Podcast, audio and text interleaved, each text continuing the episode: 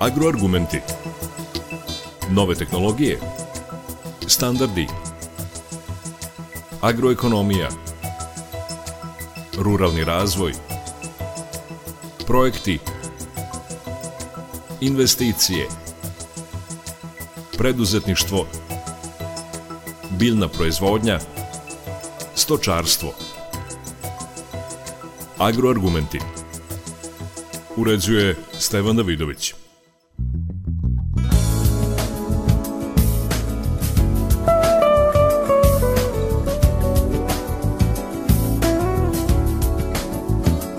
Dobar dan. Na oglednim parcelama Novosadskog instituta za ratarstvo i povrtarstvo održan je tradicionalni dan polja crnih žita, krmnog bilja i uljane repice. Obilne kiše na nekim parcelama polegle su usev žita, upozoravaju stručnjaci, dok ratere osim klimatskih uslova brinu i niske cene na tržištu. O tome govorimo u agroargumentima. Za početak slušamo ocenu stanja useva direktora instituta Jegora Miladinovića. Institut za ratarstvo i povrtarstvo je institut od nacionalnog značaja, zaista teški uslovi za proizvodnju intenzivne kiše, dosta polegle pšenice na parcelama. Kako se ponela ovogodišnja proizvodnja kada reč u institutu i vašim sortama? Rano je još govoriti ovaj, o tome kakva će biti konačna proizvodnja. Što se pšenice tiče, e, o tome će vam više reći moje kolege sa odeljenja za srnih žita, međutim ono što vidimo e, jeste jedna nepovoljna situacija gde ove zime nismo sastavili ni 5 dana sa temperaturama ispod nule, a opet imali smo e, padavina više nego što je to običajeno u prvom delu ovog vegetacionog perioda, odnosno u prvom delu za prolećne biljne vrste, za jesenje, one su sad pred kraj vegetacije, tako da će to svakako uticati na prinos, međutim mi smo optimisti i računamo na neki prinos e, koji će biti na nivou prosečnog. Što se tiče e, prolećnih biljnih vrsta, njima ovako vreme naravno prija, ono što može biti problem u drugom delu vegetacijonog perioda je ako bi došlo do uh, nekakve veće suše tokom jula i avgusta meseca, znači tamo uh, kad budemo ulazili, u, kad budemo dobro u drugoj polovini vegetacijone sezone, nećemo imati dobro razvijen korenov sistem, budući da sad biljke nemaju nikakvu potrebu da razvijaju dubok korenov sistem koji bi išli, u, kojom bi išli u potragu za vlagom zato što je vlage sada u izobilju. Međutim, u ovom trenutku temperature su, da kažem, visoke, padavina ima u izobilju i prolećne biljne vrste dobro naprede. Da dođemo do uljanih kultura, pre soje da nam kažete možda uljanoj repici, kažu da je prija ovo vreme i da će rod biti zaista visok. Pa tako kažu stručnjaci iz Instituta za ratarstvo i povrtarstvo koji se bave uljanom repicom i nema razloga da im ne verujemo. Što se soje tiče, kako se zadovoljni površinama pod sojom, s obzirom na to da izgleda da je malo ipak na, na, na suncokret se prebacile površine?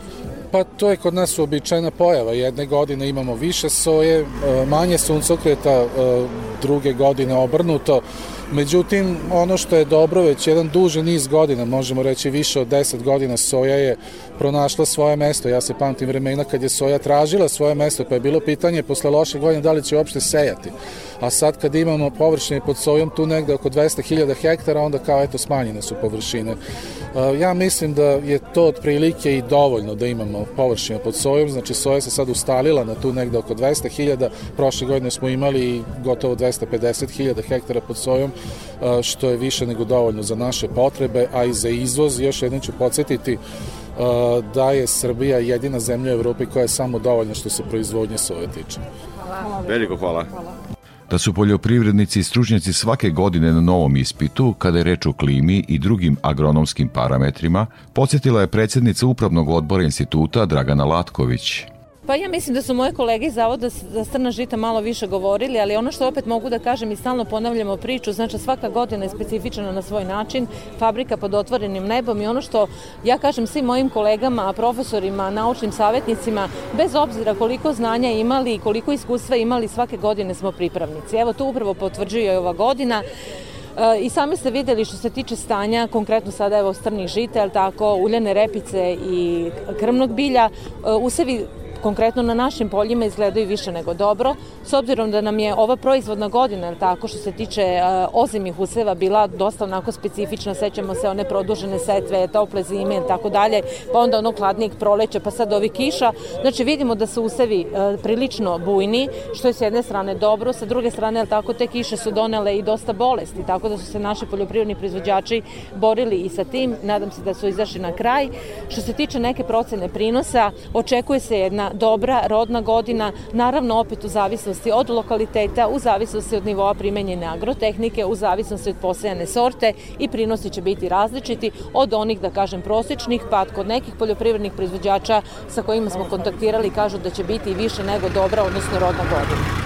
Što se tiče samog oplemenjivanja, ono što mi je drago, naši poljoprivredni proizvođači će ovde na našim poljima konkretno moći da vide e, sorte pšenice koje su sada, da kažem, najviše na našim poljima širom zemlje, ali će videti i neke nove sorte, znači e, to upravo što ste me pitali, znači postoje naravno novi trendovi ovaj, u samom procesu oplemenjivanja, jer oplemenjivanje je, izvinjam se, jedna od mera koja upravo radi na tome, tako da se na neki način e, prenebegnu ove klimatske promene, znači Znači, ići će se sigurno na sorte koje su nešto kraće vegetacije, koje će imati možda niže stablo, koji će imati veći klas, ili tako, ali naravno da se vodi računa o odnosu stabla, stablo klasa e, i koji će, su prosto stvarane ovim agroekološkim uslovima i koje se mogu prilagoditi svemu ovome. Mislim, ja moram da kažem i kao profesor poljoprivrednog fakulteta, žita spadaju u porodicu trava, jel tako? Trave su, ajde da kažem nešto što je otporno, što je tolerantno, što, što može da se prilagodi, gde ja mislim da ima dosta prostora, je tako, što se tiče samog tog procesa oplemenjivanja, a s obzirom da naš institut ima jednu jako veliku ovaj, gen banku ovaj, e, raznih sorata, starih sorata, izvornih sorata i genotipova i tako dalje, znači mi ovde na rimskim šančevima imamo jedan naš mali, što bi ja rekla, Svalbard, tako da sigurno naše kolege imaju ovaj, jednu dobru gen banku iz koje će moći izvući najbolje za stvaranje nekih budućih sorti.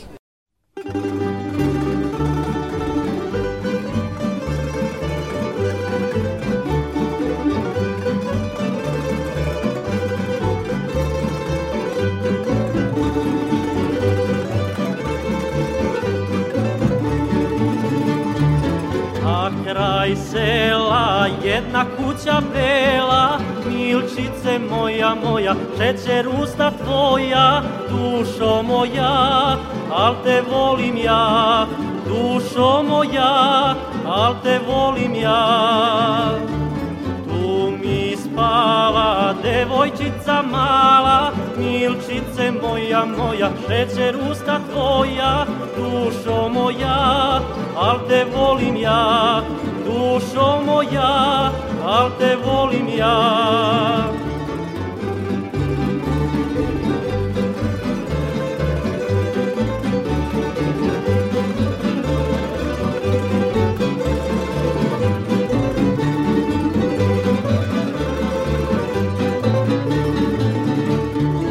Cura mala meni srce dala, milčice moja, moja, šećer usta tvoja, dušo moja, al te volim ja, dušo moja, al te volim ja.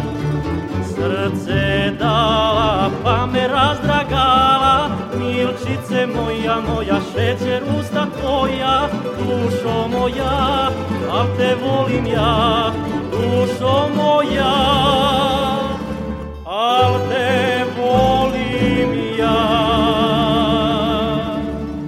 Agroargumenti Stručnjak u Zrenjaninskoj poljoprivrednoj stanici Zorica Rajačić upozorila na teške agronomske uslove proizvodnje pšenice.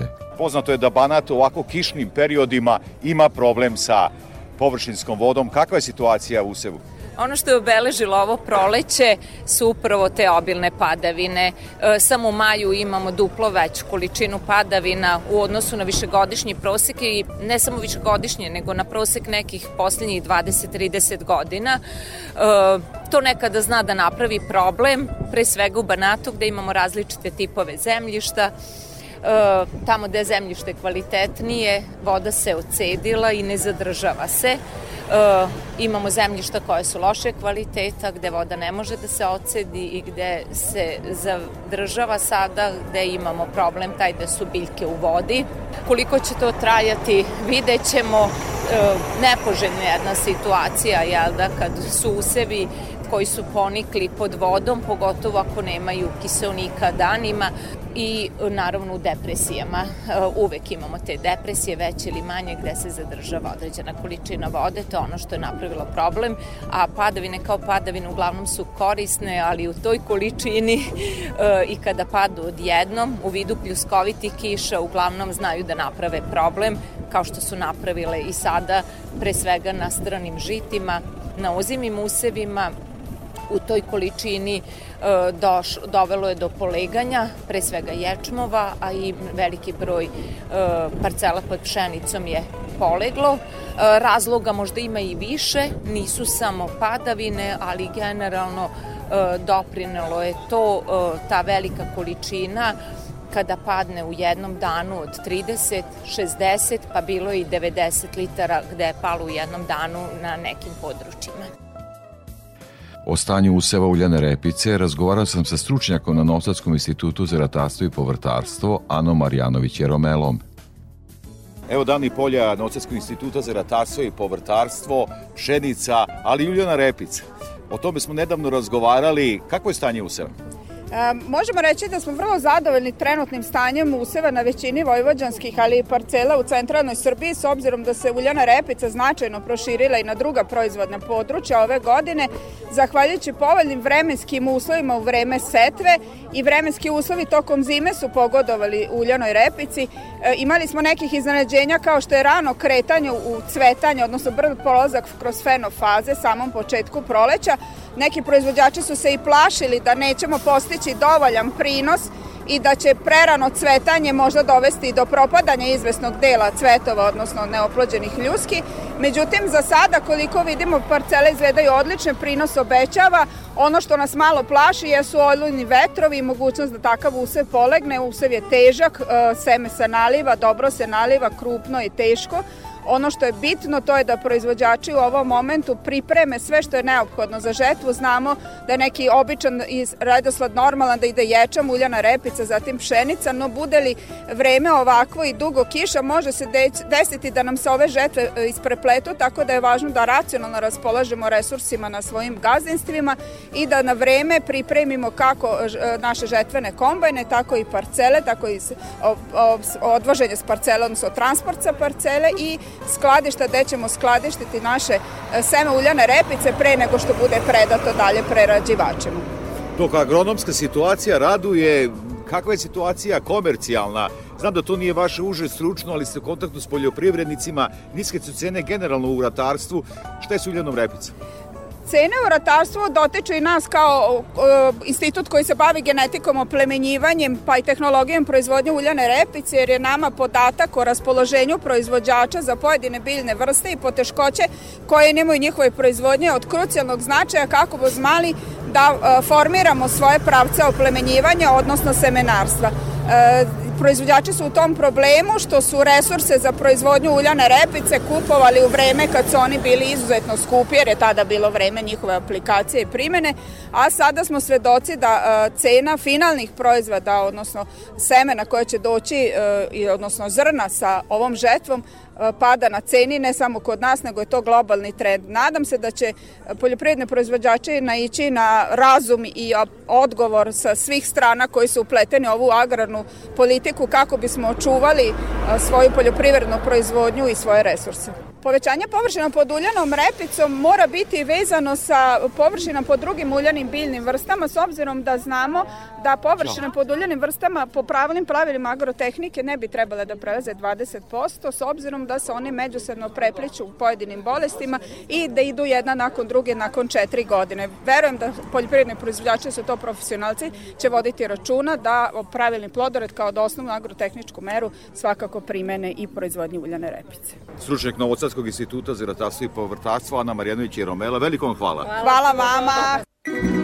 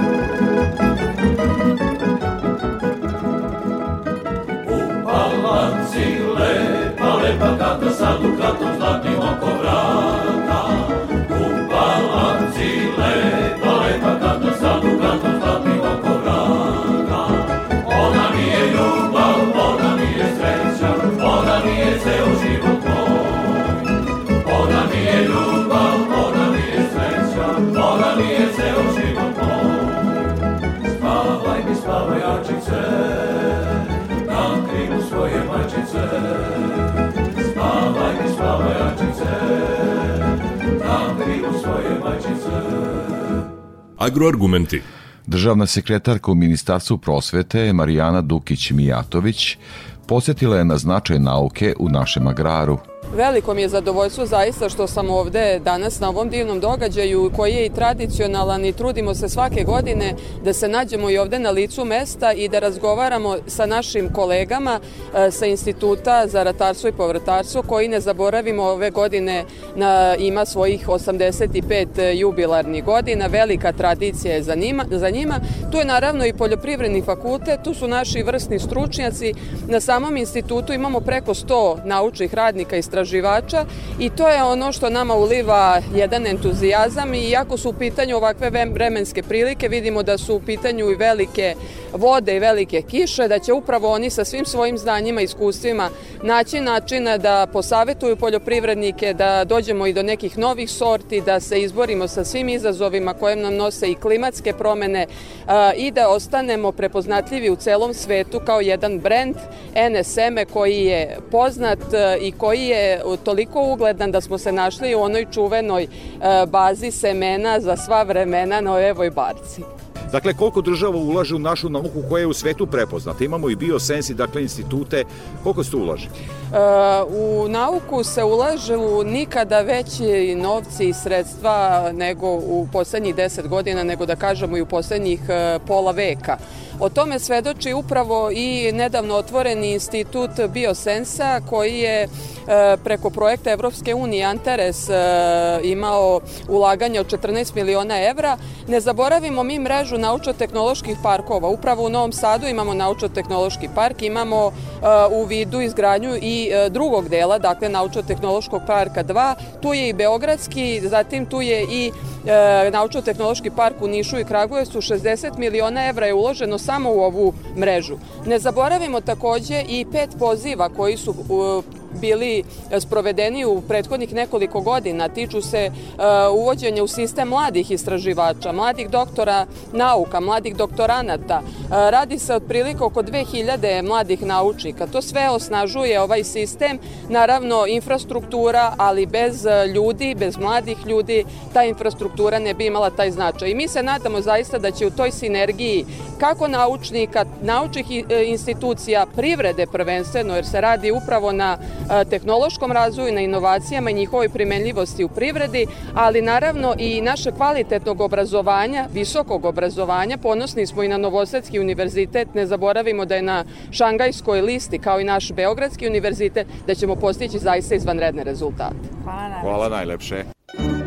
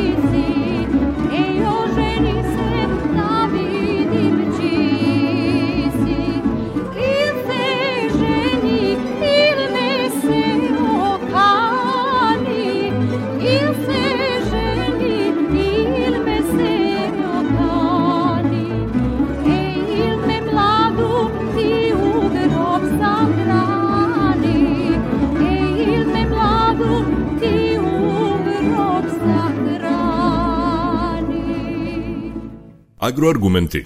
Do sada smo u agroargumentima čuli ocene predstavnika država i stručnjaka o stanju na njivama kao i uspehu naših znanja u svetu. Ostaje da čujemo i reč proizvođača. Na većini parcela uprkos lošim klimatskim uslovima pšenica solidno napreduje. Gde nisu primenjene pune agrotehničke mere i sertifikovano seme, mlade biljke su polegle. Ima problema i na tržištu. Na njih ukazuje rater u Turiji Miomir Crveni. Šta ste sejali jesenas? Pa jesenas samo pšenicu. Bez ječma, bez ičega. Što ste tako se opredelili? Pa dobro, ječam je, treba imati malo potrebe za njega i ne znam, ječam je roba koja se tako ne traži, stoka se smanjuje i onda je to malo problem za lager, treba na dva mesta odlagati i ovako kad se to ovaj, kad je samo pšenica onda to ide na jednu gomilu i to je mnogo jednostavnija proizvodnja. Jesenas su sasvim drugačije bile cene nego danas. Kada ste sejali pšenicu, kakvi su bili ekonomski pokazatelji? Da kažemo da su bili idealni za proizvođača savršeni s tim što je bio malo, malo je bilo povećani inputi veštaka, nije malo nego značajno su bili povećani. A što se tiče cene pšenice u to vreme ona je pokazatelj ali e, dobar pokazatelj da će to sve da otprilike bude dobro opet u zavisnosti od cene koja će biti. Ali ja nisam nikad gledao cenu pšenice u vreme setve postoje tu još neki stvari koji se menjaju u toku godine, jer ta pšenica od oktobra dok se čovek odluči, to je kraj avgusta da se odlučite za setvu, septembar neka priprema, di šta, otprilike se sve to zna. To je, ide neki plodored, kako ga ko zamislio i to ide svake godine, se seje u, izraženo u procentima, to je recimo kod nas jedno 25% je pšenica zastupljena svake godine, plus minus nešto sitno, u zavisnosti od nekih parcela koje se uvećaju ili se smanje ili šta ja znam, tako. Ovaj, ali to je ujesen posmatranje cene pšenica, hoće li to biti zarade ili neće, to nije nikakav pokazatelj. Pokazatelj je proizvesti što može jeftinije, proizvesti kvalitetno, dobiti dobar prinos i sad godina će se nasmešiti ili neće što se tiče padavina, a što se tiče cene to odlučuju drugi i tu smo nemoćni. To je to. Kako je proleće bilo? Kad su, eto sad upite, počeli smo od toga, kažete, ovaj, pšenicu ste posejali samo jesenas, a šta ste proletos? Sejali? Da. Pa sejali smo soju i kukuruz kako je bilo proleće? Pa proleće je bilo dosta, e, da kažem, malo je bilo ipak sušnije, imali smo mnogo vetra koji je sušivao dok smo tu rodili pripremu i sušivao zemlju, pa smo onda čekali da to svedemo ako može na jednu pripremu i tako dalje, pa je to nosilo neke popet e, problematiku neku posebnu ali govorim za naš kraj, za područje Turije i na kraju smo dobili neku kišu od 15 litara u dva dana padanja zbirno i to je bilo rešenje za nicanje e, savršeno. Sve ono što dotle nije uspelo baš da nikne ili je lošije niklo, to je niklo i to je bilo dobro. A posle smo imali već neke tri kiše koja malo već sad pravi štetu na pšenici. Kad žetvu pšenice očekujete? Pa ne mogu to sad reći, još je to daleko. Pšenice imamo i ima na ovom našem području koja je 90% polegla. Ja ću reći da je tu recimo samo 150 kila osnovnog đubreta precetveno na pšenici bilo na našim parcelama, do duše sa većim procetom aktivne materije 10, 26, 26 150 kila i da je pšenica čak i sa jednom prehranom od 100 kila ureje dosta rano u februaru, to je sad leglo i 90%. Moram priznati da nije rađena zaštita protiv rasta, cikoceli ta sredstva nisu korišćena, ali ove sve višlje sorte su polegle, navalile se ili imali smo tu tri kiše sa pljuskovima, nisu bile e, zapreminski velike, tu se vrti oko 20 litara, ali je duvo vetar i to je urodilo. Kako se to može odraziti na kvalitet i prinos? Pa nikako lepo, samo lošije. To je pitanje kako će to i da uzre, hoće li da proroste. Stvari, glavno je pitanje koliko, kakvo će sad vreme da bude. Sad ako bi bilo malo bez padavina, ili sa malim padavinama, mirnim padavinama, to tako, ima to šanse da bude dobro i da bude dobar prinos, jer pšenica koja je prinosna, ona poleže, ona koja je manje prinosna, ta ne poleže, koja ima potencijala, jer sad se ona već zrni se pšenica i tako da ona taj vlat ima određenu težinu Možda da se kratko, evo sad za kraj razgovora vratimo ponovo na cenu. Jesenas u vreme setve izuzetno dobre cene, kao što ste rekli sada. Kako to komentarišu poljoprivrednici? Pa kako komentarišu? Čak tu se sad priča i puštene u etar cena od 18-19 dinara, svi se ježe na tu cenu sa jesenašnjim inputima i ovom cenom, kako će biti ne znamo. Koliko bi trebao da bude prinos da bi evo cene koje ste pomenuli bile, ajde da kažemo ono, relativno isplative? Trebalo bi da bude ovaj 5-6 tona po jutru, 6 tona neizvodljivo, 5 tona je pa ajde još nekako izvodljivo, ali sad u ovoj leži nisam baš siguran da može da se ostvari 5 tona prinos. Govorimo o jutru, ne o hektaru. Pa izuzetno mala cena, nema tog prinosa koji može uh, da se napravi realizacija. A cena ove godine, ako bude 4 tone po jutru i 5, ajde, možda bude, možda i 5. S onim ulogom od jesenas i ovom cenom od ove godine, kako ćete biti, da kažem, dobri, odnosno u minusu? Ne znam, još je rano govoriti, e, prvo ne znamo cenu, drugo ne znamo prinos. I, i do cene i do prinosa e, imamo skoro nepuni mesec dana, 20-25 dana imamo do žetve, a do cene možda imamo i 40-50 dana. Kad budemo znali cenu, kad se uvrša, onda će se znati cena. To je uobičajeno do sad bilo tako u zadnjih 7-8 godina poznavaoci prilika na selu da poljoprivrednici od pšenice plaćaju one prve račune i da je to prvi novac poljoprivrednika. Koliko je bitan taj novac od pšenice? Koliko je bitan? Pa bitan je, znate kako, kad nemilosrdno očekujete platu ili 20. dignete avans na platu, Pa niste ga digli zato što imate novce, nego zato što nemate. A i ovo je tako ista priča, samo uh, džabe prvi novci ako njih nema u plusu. Ako je to ovaj ulog jedan, uh, prihod jedan, uh, šta sad je to? Pa i ovo treba platiti što se uzelo. Ti kojima je to prvi, koji su kojima su to prvi novci pšenica, oni su sve ljudi se zadužili. To kad se prebije, to će ostati tamo neka mala cifra, jako, ili neće ostati. A na svojoj zemlji će ostati, mora da ostane na svojoj zemlji. A tu gde je zakup bio? A to je 300 se... evra, 300 evra, još kad se odbije po jutru, onda šta će tu da ostane? Pa nema šta da ostane. Veliko hvala za ovaj razgovor. Nema ničem, hvala i vam.